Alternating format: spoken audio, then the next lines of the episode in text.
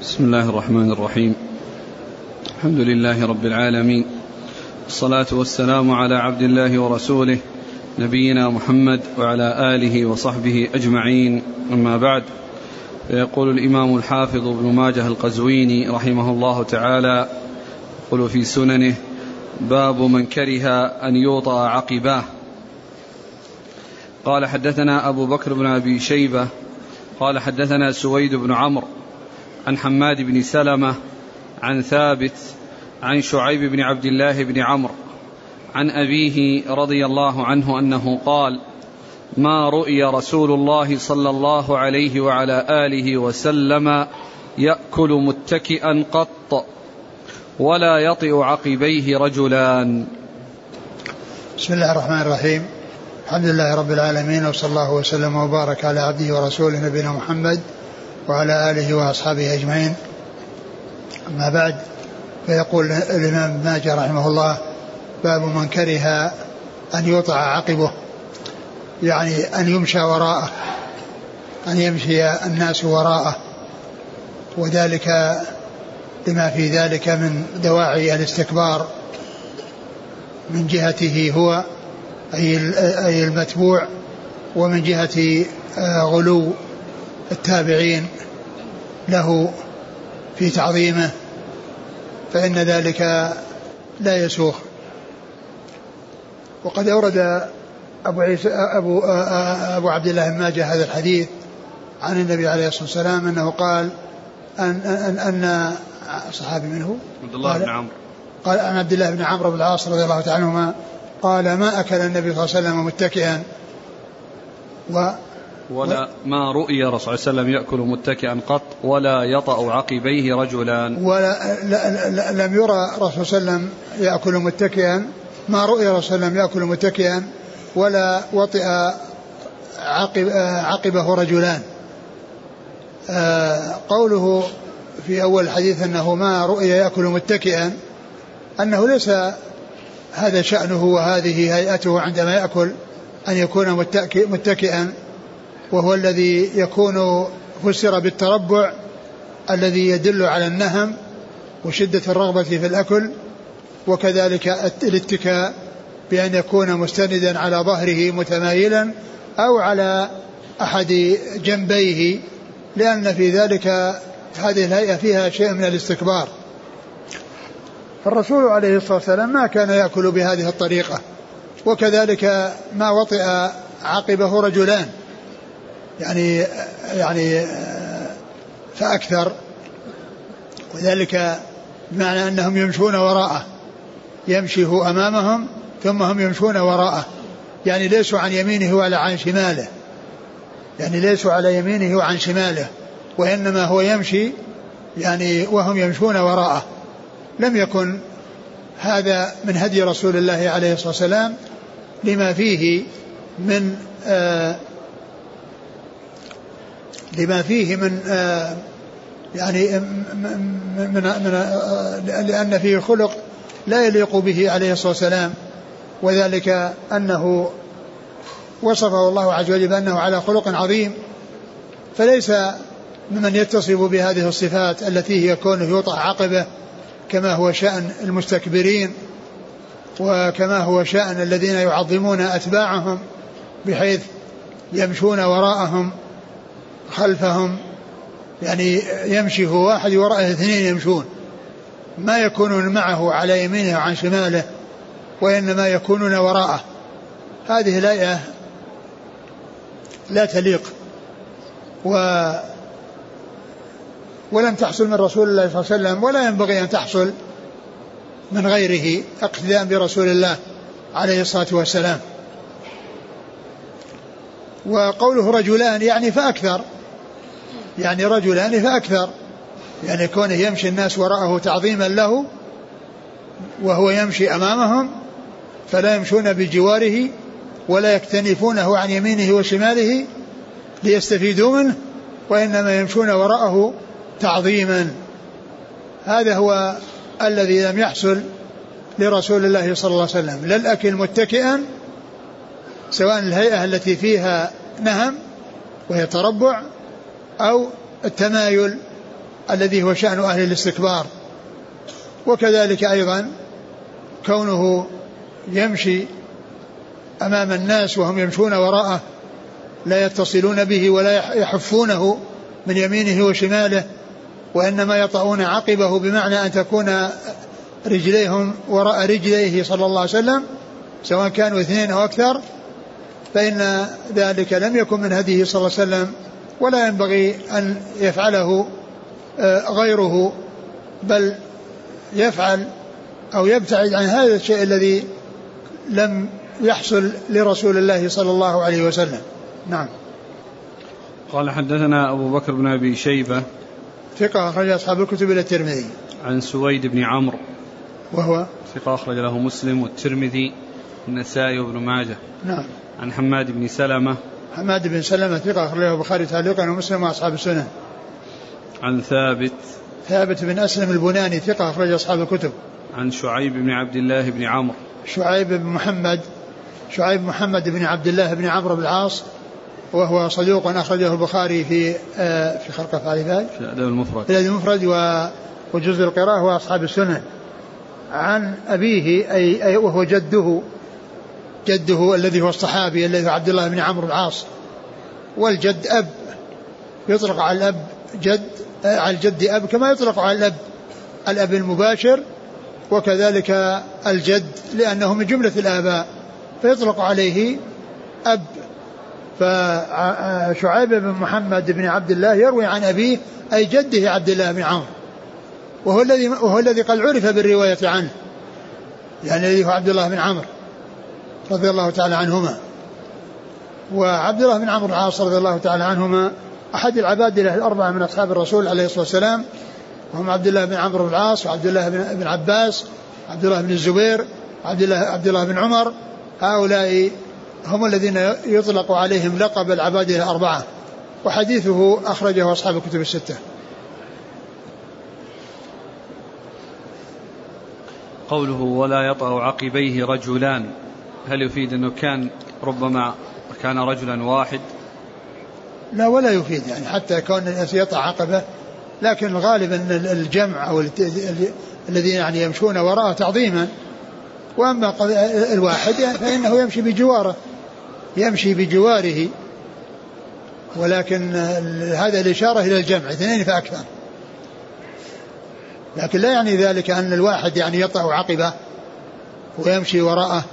وإن كان ليس مثل العدد الذي يكون عددا ويمشون وراء الإنسان ليس مثل الواحد. ولكن النتيجة واحدة يعني الواحد يمشي عن يمينه وعن شماله. نعم. يقول إذا كان الطالب يريد أن يسأل الشيخ ولكثرة العدد ربما مشى خلفه. ما في بأس إذا كان المقصود أن أنه يريد أن يسأل. لأن هذا ليس للتعظيم وإنما هذا للاستفادة وحيث آه، لم يحصل يعني آه، من الجانبين أو من جهة الأمام ويريد أن يسمع الجواب لا سيما إذا كانوا عددا ويريدون الاستفادة جميعا وعندما يسأل آه، أسئلة عامة للاستفادة يستفيد منها عن من عن يمينه وعن شماله ومن أمامه ومن وراءه. لا بأس بذلك وإنما المحذور الشيء الذي فيه شيء من الاستكبار الذي فيه يعني آه، ما يدعو إلى الاستكبار لبعض الناس أو التعظيم المبالغ فيه من من من, من الأتباع التابعين. يعني حتى لا يغتر المتبوع وحتى لا يحصل تجاوز الحد في التعظيم من التابع. والرسول عليه الصلاة والسلام كان يفعل ذلك أو أنه يعني ما كان يحصل ذلك لأن هذا فعل أهل أهل الاستكبار وأهل الذين يعظمون متبوعيهم بهذه الطريقة. الرسول صلى الله عليه وسلم ما كان يريد أن يعامل هذه المعاملة ولهذا لم يكن يطأ قدميه رجلان يعني يمشون وراءه وهو يمشي أمامهم. نعم. قال أبو الحسن وحدثنا خازم بن يحيى قال حدثنا إبراهيم بن الحجاج السامي قال حدثنا حماد بن سلمة. حاء قال أبو الحسن وحدثنا إبراهيم بن نصر الهمداني صاحب القفيز قال حدثنا موسى بن إسماعيل قال حدثنا حماد بن سلمة. ثم ذكر هذين الإسنادين إلى حماد بن سلمة وهما من زيادات أبي الحسن القطان راوي السنن عن الإمام ابن ماجه فذكر هذين الإسنادين ولم يذكر في نهايتهما يعني شيئا فيه إشارة إلى الحديث المتقدم. وهذه في الغالب وهذا على خلاف غالب ما ما جاء في زيادات أبي الحسن القطان. لأنه يسوق الإسناد ثم يقول بنحوه أو بمثله. يعني معناه بقية الإسناد ويكون بمثله. يعني بقية السند وبقية والمتن. ولكن هنا ذكر بس الطريقين دون أن يحيل إلى الشيء السابق. فهذا خلاف. يعني ما كان موجودا من قبل ولعل فيه سقط وهو أنه نحوه أو ما إلى ذلك مثل العبارات التي كان كانت تأتي كثيرا في زيادة ابن الحسن القطان المتقدمة والتي ستأتي ما تقدم منها وما سيأتي لأنه يذكر الملتقى مع مع إسناد ابن ماجه ثم يقول بنحوه أو بمثله وهنا ما قال شيء من ذلك لا بنحوه ولا بمثله وإنما ذكر الطريقين الملتقيان عند حماد بن سلمة. ومعلوم أن حماد بن سلمة في الطريق الأول اللي هو طريق ابن ماجه. فإذا عند عند ال عند أبو الحسن القطان يعني يعني هذين الطريقين إلى حماد. وهما من غير طريق ابن ماجه. ومعلوم أن بقية الإسناد والمتن هو مثل ما جاء عن ابن ماجه إما بمثله أو بنحوه. بمثله إذا كان المتن مطابقا وبنحوه إذا كان المتنان اتفقا في المعنى واختلفا في اللفظ فإنه يقال بنحوه. وإذا اتفق لفظا ومعنى قيل بمثله. نعم. حازم بن يحيى هو؟ ليس من رواة الكتب. نعم ليس من رجال الكتب لكنه آه، روى لها أو من شيوخ آه، آه، ابن الحسن. وقد سبق أن مر نعم. في حديث سابق وكان الخطيب البغدادي ذكر له ترجمة وقال أن يعني أن مما روى عنه الذي الخطيب أو غيره يعني ذكروا ترجمته وأن مما روى عنه أبو الحسن القطان حازم بن يحيى وهو بالخاء. وقد سبق أن مر في بعض الطرق حازم بالحاء وهو بالخاء وليس بالحاء. بالخاء المعجمة وليس بالحاء المهملة. نعم. عن إبراهيم بن الحجاج السامي وهو؟ ثقة يهم قليلا أخرج له النسائي. نعم. عن حماد بن سلمة. حماد بن سلمة مر ذكره.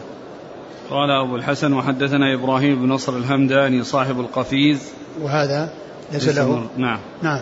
عن موسى بن إسماعيل. موسى بن إسماعيل التبوذكي وهو ثقة أخرج له أصحاب أصحاب الكتب.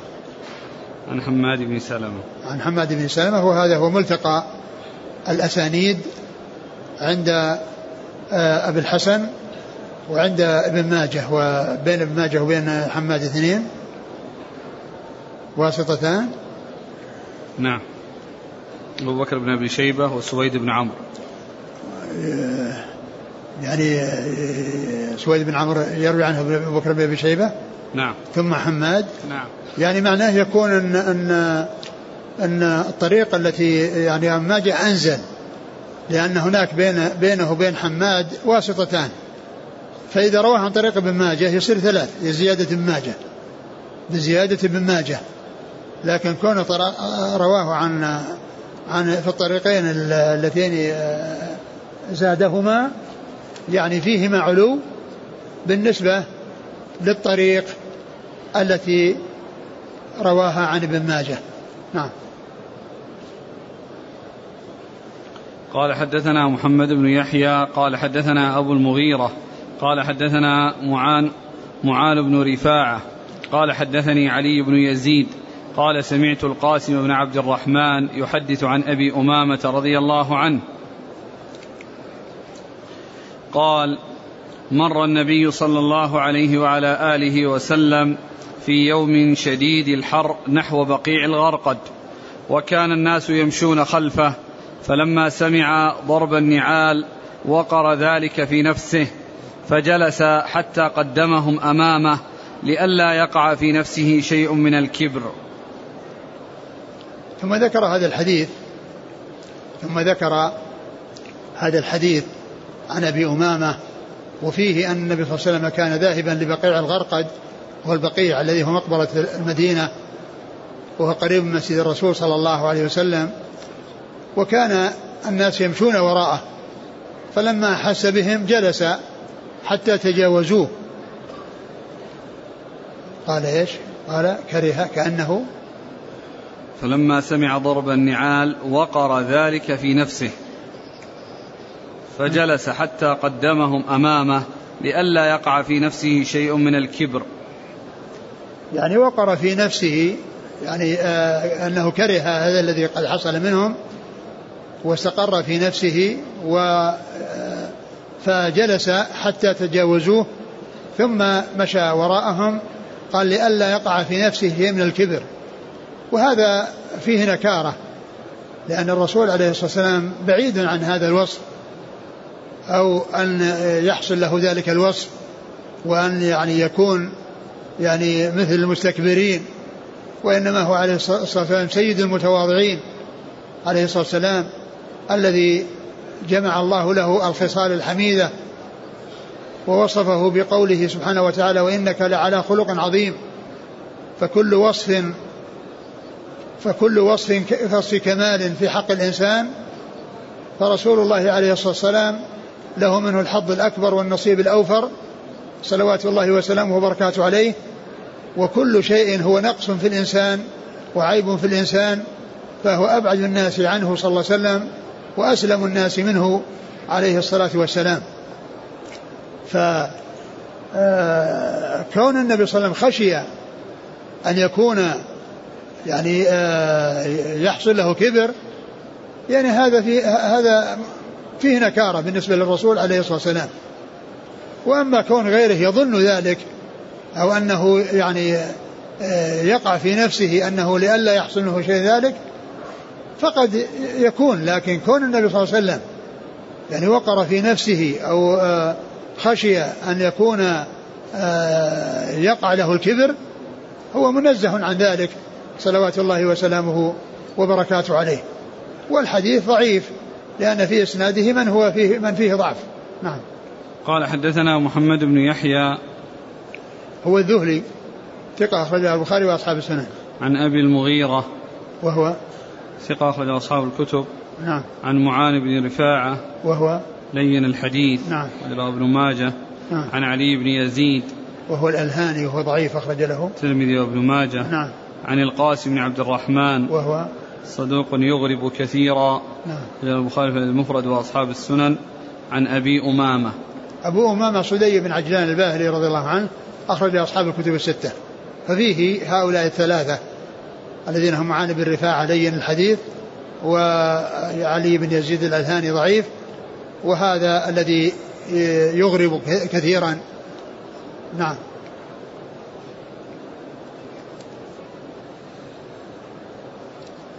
يسأل عن المشي خلف الوالد أو الأم. هل هذا يقال من الإحسان والبر بهما وهل له دلالة شرعية؟ ما نعلم شيء يدل عليه لكن يمشي. يمشي معهم يحفهم ويمشي بجوارهم. وإذا كان المكان ضيق وأنه يعني لا بد من أن يمشي بهذا يقدمهم. وهذا يسأل عن حكم مشي المرأة وراء زوجها. ما في بأس لأن المرأة تكون وراءه في الصلاة. يعني لو صلت امرأة مع زوجها فإنها لا تصف بجواره بل صفها تكون وراءه ولو كانت واحدة. فلها أن تمشي وراءه. نعم. كما أنها تصف وراءه لا أن تمشي وراءه لكن كونها تمشي بجواره تمشي بجواره يعني حتى يعني آه يعني يكون على علم بها وعلى مشاهدة بخلاف ما إذا كانت تمشي وراءه قد يحصل لها شيء وهو ما يتنبه. قال حدثنا علي بن محمد قال حدثنا وكيع عن سفيان عن الأسود بن قيس عن نبيح العنزي عن جابر بن عبد الله رضي الله عنهما أنه قال كان النبي صلى الله عليه وعلى آله وسلم إذا مشى مشى أصحابه أمامه وتركوا ظهره للملائكة. ثم ذكر هذا الحديث أن النبي صلى الله عليه وسلم كان إذا مشى مشى أصحابه أمامه. يعني كان أصحابه أمامه ويترك ظهر الملائكة يعني تحف به عليه الصلاة والسلام وتحيط به عليه الصلاة والسلام ليستفيدوا منه. و وأصحابه يمشون أمامه يقدمهم أمامه يعني حتى يعني حتى كانوا في السفر يكون وراءهم حتى يعني يرعاهم وحتى إذا كان أحد منهم تخلف أو احتاج إلى مساعدة يساعده أو آه، حصل له يعني بعيره حصل له يعني شيء من من من الضعف. وإذا يعني آه، آه، يحصل منه أن يساعده ويعينه على على على ما حصل. وهذا كان فعله صلى الله عليه وسلم في السفر. كان يكون وراء أصحابه. وهم يكونون أمامه حتى يحافظ عليهم وحتى يساعد من يحتاج إلى مساعدة. ولو تخلف أحد يعني يكون يعني على علم به. بخلاف لو كان يمشي والناس يعني قد يتخلفون وراءه وهم لا يدري وهو لا يدري عنهم. لكن إذا صار أمامه إذا كانوا أمامه صلى الله عليه وسلم آه، يكون على علم بما يحصل لهم من نقص وما يحصل لدوابهم ومركوباتهم من ضعف آه، كما حصل لجابر رضي الله عنه فإنه كان يعني بعيره أعيا فالرسول صلى الله عليه وسلم دعا له وحصل أنه آه، صار يمشي بقوة وتغيرت حاله من الهزال والضعف إلى القوة والنشاط. نعم. قال حدثنا علي بن محمد. هو الطنافسي ثقة أخرجه أخرج له النسائي في مسند علي وابن ماجه. عن وكيع وكيع بن الجراح الرؤاسي الكوفي ثقة أخرج أصحاب الكتب. عن سفيان سفيان هو ابن سعيد بن مسروق الثوري ثقة فقيه أخرج له أصحاب الكتب. عن الأسود بن قيس وهو ثقة أخرج أصحاب الكتب. نعم. عن نبيح العنزي نبيح العنزي قال عنه في التقريب مقبول وهو فوق ذلك إما صدوق وإما ثقة لأن الحافظ بن حجر في ترجمته في تهذيب التهذيب ذكر أربعة واتقوه وما ذكر إلا واحدا قال إنه فيه جهالة. وذكر أن ابن الترمذي وابن خزيمة والحاكم صححوا حديثا فمثله لا يقال فيه مقبول. فمثله لا يقال فيه مقبول معناه أنه لا يحتج به إلا إذا عضد واعتضد وإنما يحتج به استقلالا فهو إن لم يكن يكن ثقة فهو صدوق. أخرج له. أصحاب السنن. نعم. عن جابر بن عبد الله. عن جابر بن عبد الله الأنصاري رضي الله عنهما وهو أحد السبعة المكثرين من حديث رسول الله صلى الله عليه وسلم.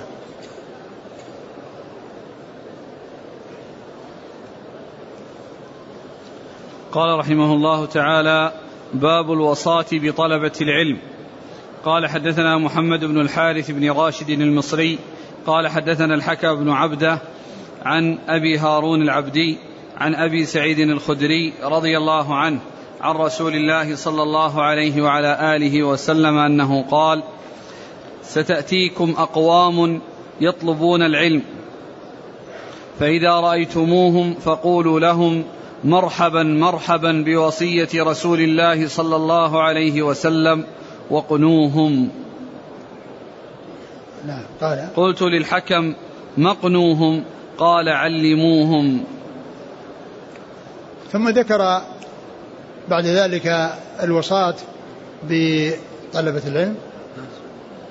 الوصاة الوصاة بطلبة العلم. الوصاة بطلب العلم يعني الوصية بطلبة العلم.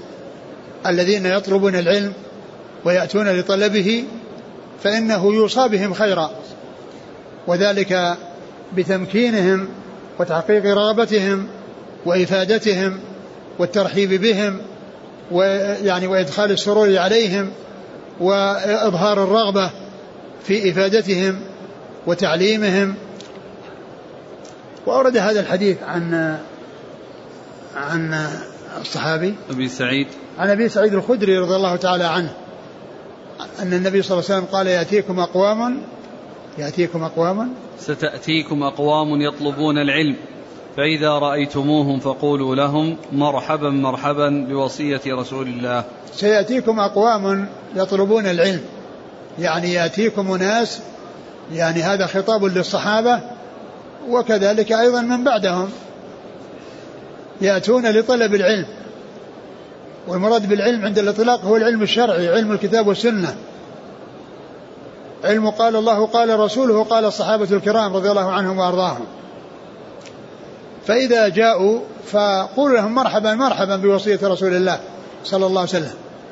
يعني احتفاء بهم وترحيبا بهم وأنهم يعني آه، على الرحب والسعة ويعني ف آه، آه، يرحب بهم ويظهر أو تظهر الرغبة في إفادتهم وتمكينهم من الشيء الذي جاءوا من أجله حتى يستفيدوا ثم يرجعوا ليفيدوا أقوامهم الذين جاءوا منهم. كما قال الله عز وجل وما كان المؤمنون لينفروا كافة. فلولا نفر من كل منهم فرقة من فرقة طائفة ليتفقهوا في الدين. كل فرقة منهم طائفة ليتفقهوا في الدين. ولينذروا قومهم إذا رجعوا إليهم لعلهم يحذرون. ف الرسول عليه الصلاة والسلام يعني أرشد إلى أنه يرحب بهم وأنه تحقق رغبتهم قال وأقنوهم وسئل يعني أحد الرواة قال ما أقنوهم؟ قال علموهم يعني حققوا لهم الشيء الذي جاءوا من أجله حققوا لهم الشيء الذي جاءوا من أجله. نعم. قال حدثنا محمد بن الحارث بن راشد هو؟ صدوق يغرب أخرج له ابن ماجه نعم. عن الحكى بن عبده هو؟ مستور أخرج له ابن ماجه. نعم. عن أبي هارون العبدي. وهو؟ متروك. نعم. أخرج البخاري في خلق, في خلق أفعال العباد والترمذي وابن ماجه. نعم. عن أبي سعيد الخدري. عن أبي سعيد الخدري سعد بن مالك بن سنان الخدري رضي الله عنه أحد السبع المكثرين من حديث رسول الله صلى الله عليه وسلم. نعم.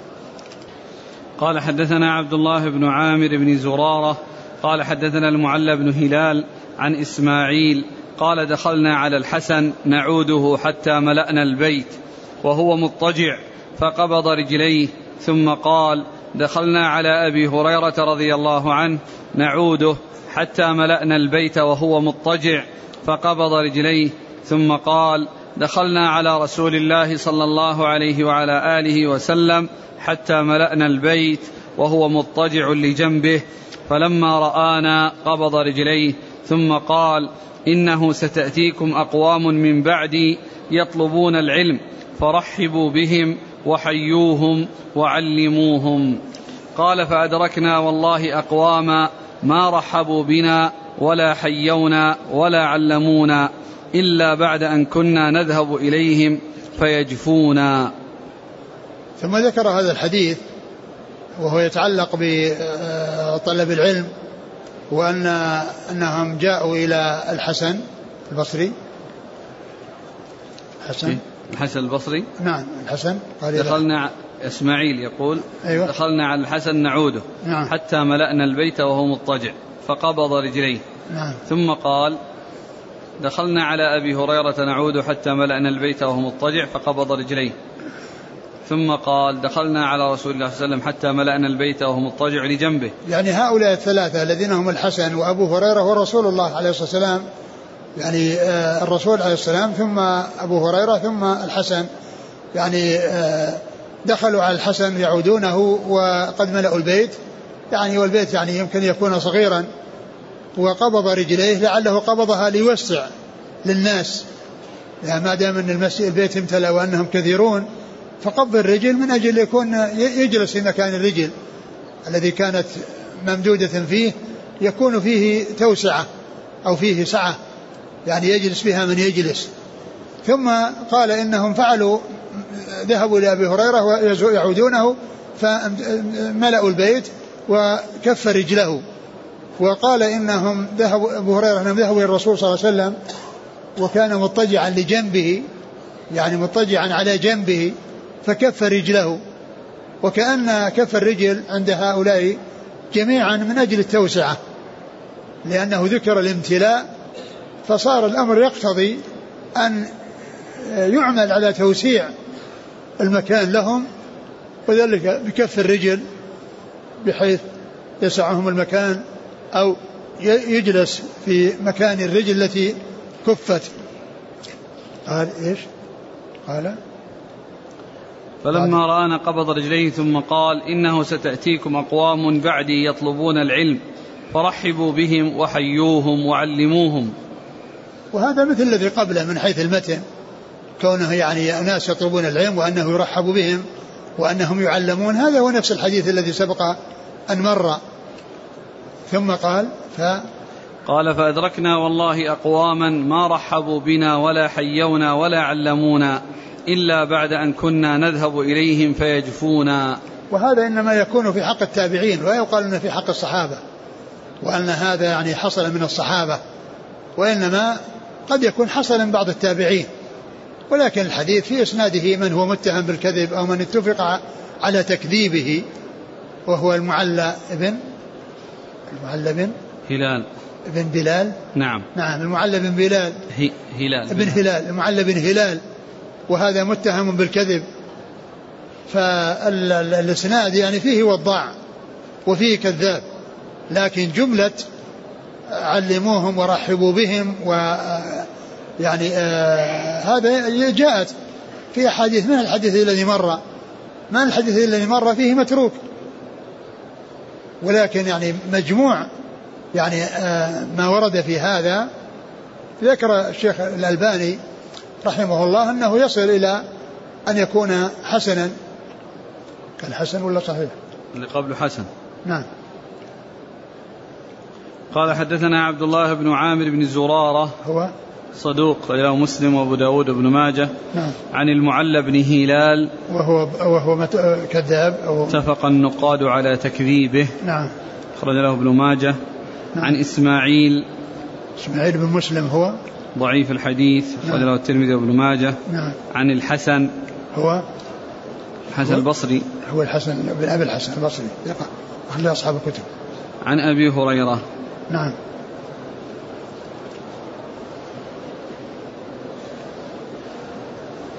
هل يقال في الحديث أن فيه تسلسل؟ تسلسل بضعفاء لا مسلسل به- بهذا. هذا اي الفعل يعني بقبض الرجل. اي نعم نعم إيه. ثلاثة يعني في, في, في ثلاثة يعني. يعني في يعني آه، ليس في كله وإنما في بعضه. قال حدثنا علي بن محمد قال حدثنا عمرو بن محمد العنقزي قال أخبرنا سفيان عن أبي هارون العبدي قال كنا إذا أتينا أبا سعيد الخدري رضي الله عنه قال مرحبا بوصية رسول الله صلى الله عليه وعلى آله وسلم إن رسول الله صلى الله عليه وعلى آله وسلم قال لنا إن الناس لكم تبع وإنهم سيأتونكم من أقطار الأرض يتفقهون في الدين فإذا جاءوكم فاستوصوا, فاستوصوا بهم خيرا. ثم ذكر هذا الحديث عن أبي سعيد وهو مثل الذي قبله في الأول. والشيخ الألباني حسن الحديث الأول وضعف هذا. ويعني آه، مؤداهما واحد. مؤداهما واحد. ويمكن أن يكون يعني يعني آه، كل طريق تقوي الثانية. الإسناد هذا فيه. أبو هارون العبدي. أبو هارون العبدي هو نفسه الذي كان في الإسناد الأول. الذي كان في الإسناد الأول يروي عن أبي سعيد. نعم. لكنه أيضا جاء من وجوه أخرى ومن طرق أخرى غير هذا الطريق. نعم. قال حدثنا علي بن محمد عن عمرو بن محمد العنقزي. هو؟ ثقة أخرج البخاري تعليقا ومسلم وأصحاب السنن. نعم. عن سفيان عن أبي هارون العبدي. نعم. عن أبي سعيد. نعم. قال رحمه الله تعالى باب الانتفاع بالعلم والعمل به. قال حدثنا أبو بكر بن أبي شيبة قال حدثنا أبو خالد الأحمر عن ابن عجلان عن سعيد بن أبي سعيد عن أبي هريرة رضي الله عنه أنه قال كان من دعاء النبي صلى الله عليه وعلى آله وسلم اللهم إني أعوذ بك من علم لا ينفع ومن دعاء لا يسمع ومن قلب لا يخشع ومن نفس لا تشبع. ثم ذكر آه، باب الانتفاع بالعلم والعمل به. نعم. الانتفاع بالعلم والعمل به. لأن ثمرة العلم هو الانتفاع به والعمل به وبدون ذلك يكون وبالا على الإنسان وحجة على الإنسان كما قال عليه الصلاة والسلام في الحديث الصحيح الذي رواه مسلم في صحيحه والقرآن حجة لك أو عليك والقرآن حجة لك أو عليك. وكذلك الحديث الذي في صحيح مسلم عن عمر وقد مر إن الله يضع يرفع بهذا الكتاب أقواما ويضع به آخرين. فمن رفعه الله بالقرآن فالقرآن حجة له ومن وضعه الله بالقرآن فالقرآن حجة عليه. فالقرآن حجة عليه. فإذا المقصود من العلم العمل والانتفاع وبدون انتفاع يكون وبالا على الإنسان. كل إنسان يعلم الحق ولا يعمل به يكون وبالا عليه كما قال الشاعر إذا كنت لا تدري فتلك مصيبة وإن كنت تدري فالمصيبة أعظم وجاء في الحديث أن أول أن من أول من شعر بهم النار العالم الذي لم يعمل بعلمه. العالم الذي لم يعمل بعلمه. فإذا ثمرة العلم العمل. وبدون العمل يكون يكون العلم حجة على الإنسان. ويكون وبالا على الإنسان.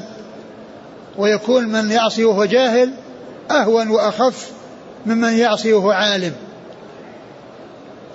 قال آه، كان آه، كان من دعائه صلى الله عليه وسلم؟ نعم. اللهم إني أعوذ بك من علم لا ينفع. اللهم إني أعوذ بك من علم لا ينفع وهذا هو محل الشاهد لأن المقصود هو الانتفاع بالعلم. العلم الذي لا ينفع هو الذي يكون حجة على الإنسان بكونه يعرف الحق ولا يعمل به. يعرف الحق ولا يعمل به.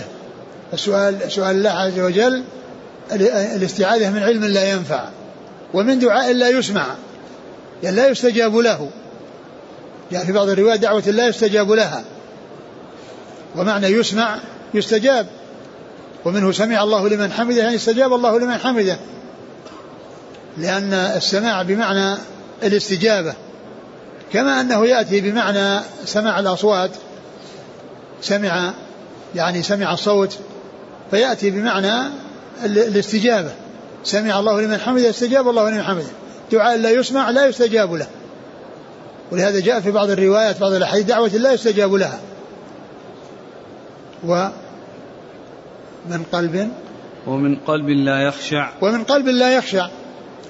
يعني والذي يعني لا تؤثر فيه العبر والعظات. وكذلك ومن نفس لا تشبع. ومن نفس لا تشبع. يعني ما تشبع من من المال. ويعني المال يكثر ومع ذلك يعني يكون الإنسان عنده فقر وعنده آه، يعني عدم قناعة مع وجود ما يحصل له من الكثير يعني قلبه يعني نفسه لا, لا تشبع لا يشبع من, من, من الدنيا وإنما ينهمك فيها ويسعى لتحصيلها ويشتغل بها عن ما يعود عليه بالخير. وقد يكون يحصل المال من حله ومن غير حله. المهم أن يصل إلى يده المال. ومن نفس لا تشبع. وهذه الأربع جاءت في صحيح مسلم ضمن حديث طويل مشتمل على أدعية. جاء ضمن حديث طويل عن زيد بن أرقم رضي الله عنه مشتمل على جملة أدعية ومنها الدعاء بها بالاستعاذة من هذه الأربع التي جاءت في هذا الحديث عن أبي هريرة. رضي الله تعالى عنه. نعم. قال حدثنا أبو بكر بن أبي شيبة عن أبي خالد الأحمر. هو سليمان بن حيان نعم. وهو؟ صدوق يخطئ. أخرجه أصحاب الكتب. نعم. عن ابن عجلان. محمد بن عجلان صدوق خرجه البخاري تعليقا ومسلم وأصحاب السنن. عن سعيد بن أبي سعيد. سعيد بن أبي سعيد هو المقبري ثقة خرج أصحاب الكتب. عن أبي هريره. عن أبي هريرة رضي الله عنه وهو أكثر الصحابه حديثا. قال حدثنا أبو بكر بن أبي شيبة قال حدثنا عبد الله بن نمير عن موسى بن عبيدة عن محمد بن ثابت عن أبي هريرة رضي الله عنه أنه قال كان رسول الله صلى الله عليه وعلى آله وسلم يقول اللهم انفعني بما علمتني وعلمني ما ينفعني وزدني علما والحمد لله على كل حال. كان يقول اللهم انفع انفعني بما علمتني وعلمني ما ينفعني وزدني علما. والحمد لله على كل حال. يعني هذا أيضا آه، دعاء يعني بحصول النفع في العلم لأن الباب هو الانتفاع بالعلم والعمل به. ومن المعلوم أن الانتفاع يعني يكون بالعمل وثمرة العلم العمل. فكان يقول عليه الصلاة والسلام اللهم علمني ما ينفعني, ما ينفعني. و اللهم انفعني بما علمتني. اللهم انفعني بما علمتني. وعلمني ما ينفعني. وعلمني ما ينفعني. يعني معناه أن العلم الذي قد حصل له يسأل, يسأل الله أن ينفعه به وأن وأن يعلمه ما ينفعه. بمعنى أن ما كان عنده يسأل الله أن يجعله نافعا له. وأن يعلمه ما ينفعه. يعني يحصل علما على علم. علم موجود يسأل الله أن ينفعه فيه. ويسأله أن يعلمه علما ينفعه. وأن يزيده علما. وأن يزيده علما. كما قال الله عز وجل لنبيه وقل رب زدني علما. ولم يأمر ولم يأمر الله عز وجل نبيه بطلب المزيد من شيء إلا من العلم.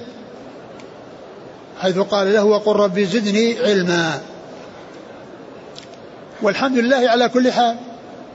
الله عز وجل هو الذي يحمد على كل حال.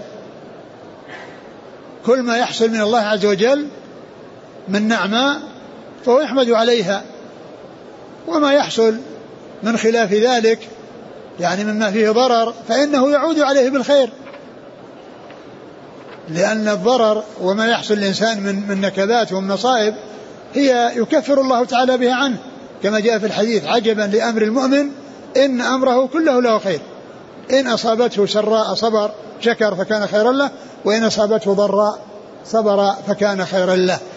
ومعنى ذلك أنه مستفيد وأنه مأجور على كل حال. في حال آه، حصول ما ينفعه وفي حصول في حال حصول ما يضره. لأنه محصل أجرا ومحصلا فائدة نعم قال حدثنا أبو بكر بن أبي شيبة عن عبد الله بن نمير عبد الله بن نمير ثقة أخرج أصحاب الكتب. عن موسى بن عبيدة وهذا ضعيف أخرج له. الترمذي وابن ماجه. نعم. عن محمد بن ثابت. وهو مجهول أخرج له الترمذي وابن ماجه. نعم. عن أبي هريرة. نعم.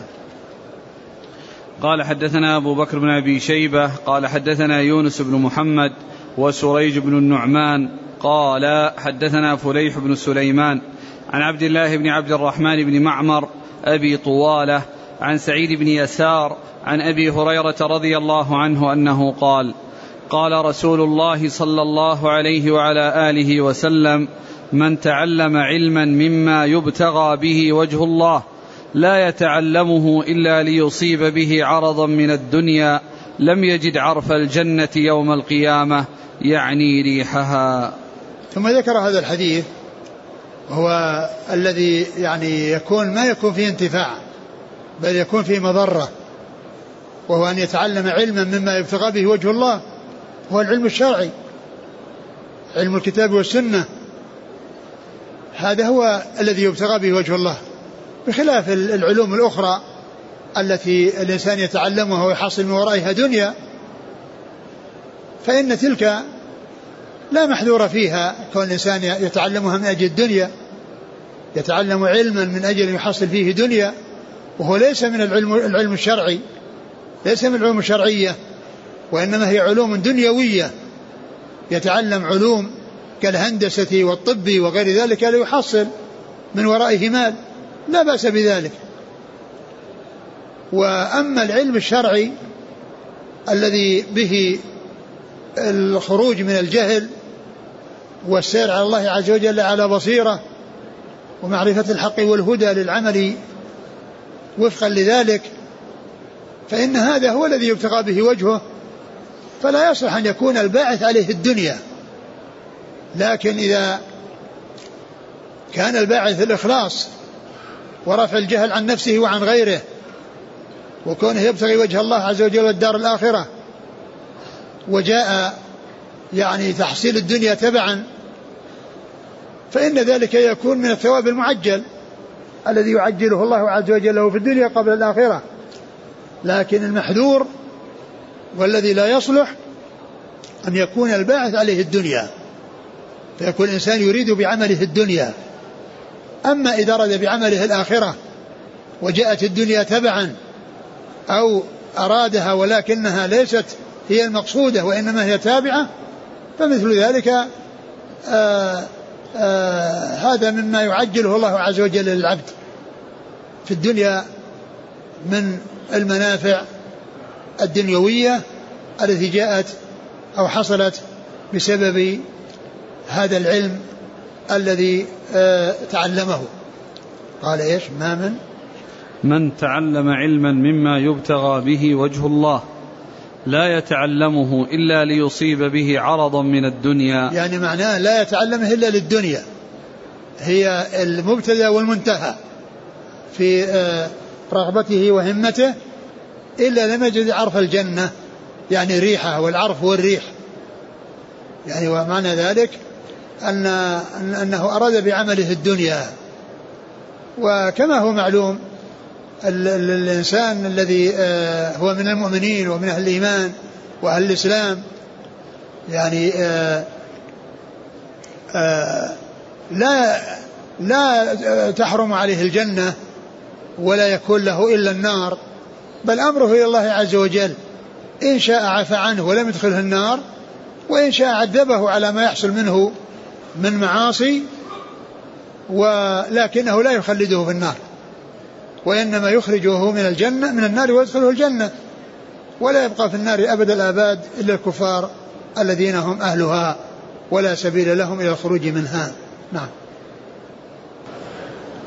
قال حدثنا أبو بكر بن أبي شيبة عن يونس بن محمد ثقة أخرج أصحاب الكتب. وسريج بن النعمان هو؟ ثقة يهم قليلا أخرج له البخاري وأصحاب السنن. عن فليح بن سليمان. وهو؟ صدوق كثير الخطأ. أخرج له أصحاب الكتب. نعم. عن عبد الله بن عبد الرحمن بن معمر أبو طوالة. وهو؟ ثقة أخرج أصحاب الكتب. نعم. عن سعيد بن يسار. هو؟ ثقة أخرج أصحاب الكتب. نعم. عن أبي هريرة. نعم. قال أبو الحسن أخبرنا أبو حاتم قال حدثنا سعيد بن منصور قال حدثنا فليح بن سليمان فذكر نحوه. وهذه من زيادة أبي الحسن القطان. وقد ذكر في, في الآخر ذكر نحوه بخلاف الذي مضى فإنه ذكر الإسنادين وما ذكر شيئا يعني يربطه بالذي قبله نحوه أو مثله. وهذا كما قلت في, في, في, في الموضع السابق على خلاف ما مشى عليه فلعلها قد سقطت. وهذا على الجادة الذي معنا في قال فذكر نحوه. وأبو حاتم هو محمد بن إدريس. أبو حاتم الرازي وهو ثقة أخرج له مسلم و أحمد البخاري. أخرج البخاري. وأبو داود والنسائي وابن ماجه في التفسير. نعم. عن سعيد بن منصور. ذاك الذي روى له مسلم آه، أبو زرعة الرازي عبيد الله بن عبد الكريم. نعم. عن عبيد عن إسحاق بن منصور. عن سعيد بن منصور. سعيد سعيد بن منصور. هو ثقة أخرج أصحاب الكتب. عن فليح بن سليمان فذكر نحوه. عن فليح عن من هو؟ عن بعد سعيد منصور؟ فليح بن سليمان. فليح بن سليمان نعم. مر ذكره. يعني مرة يعني ثقة الإسنادين عند إيش؟ فليح. عند فليح. نعم. يقول هل أخذ الشهادات الشرعية والعمل بها يقدح في الإخلاص؟ هذا على حسب النية. فإذا كانت الشهادة حصلت لأن صاحبها ما أراد بها إلا الدنيا فهذا هو الذي يعنيه الحديث السابق. وأما إذا كان الإنسان أخذ الشهادة ليتمكن من الوصول إلى المؤسسات التعليمية ليفيد الناس لأنه لا سبيل للوصول إليها إلا بهذه الشهادة فهذا على حسب نيته ولكل امرئ ما نوى. لأن من الناس من يحب أن يفيد مثل الجامعات. والجامعات لا يوصل إليها إلا عن طريق الشهادات.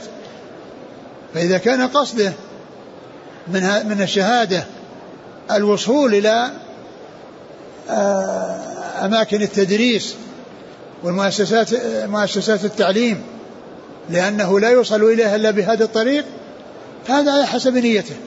وأما إذا كان من الأصل ما أراد إلا الدنيا فهو الذي يعنيه الحديث السابق. قال حدثنا هشام بن عمار قال حدثنا حماد بن عبد الرحمن قال حدثنا أبو كريب الأزدي عن نافع عن ابن عمر رضي الله عنهما عن النبي صلى الله عليه وعلى آله وسلم أنه قال من طلب العلم ليماري به السفهاء أو ليباهي به العلماء أو ليصرف وجوه الناس إليه فهو في النار. ثم ذكر هذا الحديث الذي آه، فيه أن الإنسان يتعلم العلم لغير المقصود به.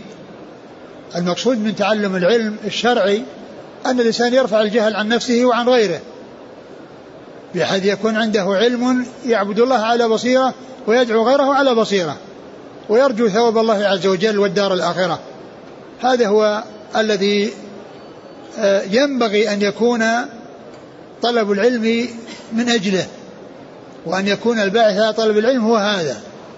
أما إذا أريد بأمور أخرى كأن يماري السفهاء ويباهي العلماء يعني بمعنى أنه آه، يعني آه، يباهيهم بمعنى أنه يجادلهم أو يعني يترفع عليهم أو يعني يرفع نفسه وهو ليس أهلا للرفعة أو يصرف وجوه الناس إليه بأن يشار إليه بالبناء يقال هذا هو كذا وهذا كذا. يعني ما أراد إلا أغراض سيئة وأغراض دنيئة. فهذا هو الذي قال فيه الرسول هو في النار. وهو من جنس الذي قبله. يعني من مما يعني لا يريد في العرض من الدنيا. فإن هذا مثله يعني أراد يعني سمعة وأراد وجاهة وأراد أن يصرف وجوه الناس إليه وكلها أغراض دنيوية. ليست هي التي يطلب العلم من أجلها. العلم يطلب من أجل رفع الجهل والعمل والدعوة إلى الناس ودعوة الناس إلى الحق والهدى. أما أن يتعلم من أجل هذه الأمور فإن هذا هو الذي توعد بهذا الوعيد وهو بمعنى الحديث الذي قبله نعم قال حدثنا هشام بن عمار صدوق خرجه البخاري وأصحاب السنة. عن حماد بن عبد الرحمن هو ضعيف خرج له ابن ماجه. نعم. عن أبي كريب الأزدي وهو مجهول اخرج له ابن ماجه. نعم. عن نافع عن ابن عمر. نافع مولى بن عمر ثقة أخرج أصحاب الكتب. وعبد الله بن عمر رضي الله عنهما أحد العباد الأربعة من أصحاب الرسول عليه الصلاة والسلام وأحد السبع المكثرين من حديثه. قال حدثنا محمد بن يحيى قال حدثنا ابن أبي مريم قال حدثنا يحيى بن أيوب عن ابن جريج عن أبي الزبير عن جابر بن عبد الله رضي الله عنهما أن النبي صلى الله عليه وعلى آله وسلم قال لا تعلموا العلم لتباهوا به العلماء ولا لتماروا به السفهاء ولا تخيروا به المجالس فمن فعل ذلك فالنار النار. ثم ذكر هذا الحديث وهو مثل الذي قبله. يعني مماراة السفهاء مباهاة العلماء تخير المجالس اللي هو صرف الذي مر في الحديث صرف وجوه الناس إليه. يعني لأن يصدر في المجالس وأن يعني يوقر ويحترم وأن يكون هذا قصده. فإن هذا متوعد بالنار متوعد بالنار لأنه تعلم العلم ليس للسبب الذي يكون ينبغي أن يكون الباعث على العلم وهو رفع الجهل وعنه وعن غيره. أما إذا فعله لهذه الأمور الدنيئة وهذه الأغراض السيئة فهو على خطر وهو متوعد بالنار كما جاء في الحديث والحديث الذي قبله. نعم. قال حدثنا محمد بن يحيى نعم هو الذهلي نعم. عن ابن أبي مريم وهو؟ سعيد بن الحكم ثقة أخرج أصحاب الكتب. نعم. عن يحيى بن أيوب وهو؟ صدوق ربما أخطأ أخرج نعم أصحاب الكتب. نعم. عن ابن جريج. عبد الملك بن عبد العزيز بن جريج المكي ثقة أخرج أصحاب الكتب. عن أبي الزبير. وأبو الزبير محمد بن مسلم بن تدرس صدوق أخرج أصحاب الكتب. عن جابر بن عبد الله. جابر بن عبد الله رضي الله عنه. وهذا فيه تدليس آه ابن جريج وتدليس أبي الزبير ولكن كما هو معلوم هو يعني آه من الشواهد لما تقدم. فهذه الأحاديث يضم بعضها إلى بعض فتتقوى. نعم. قال لا سيما والتدليس أو المدلس أو الشيء اللي في تدليس هو الذي يعني إذا ضم إليه يعني شيئا يجبره ويقبل. نعم.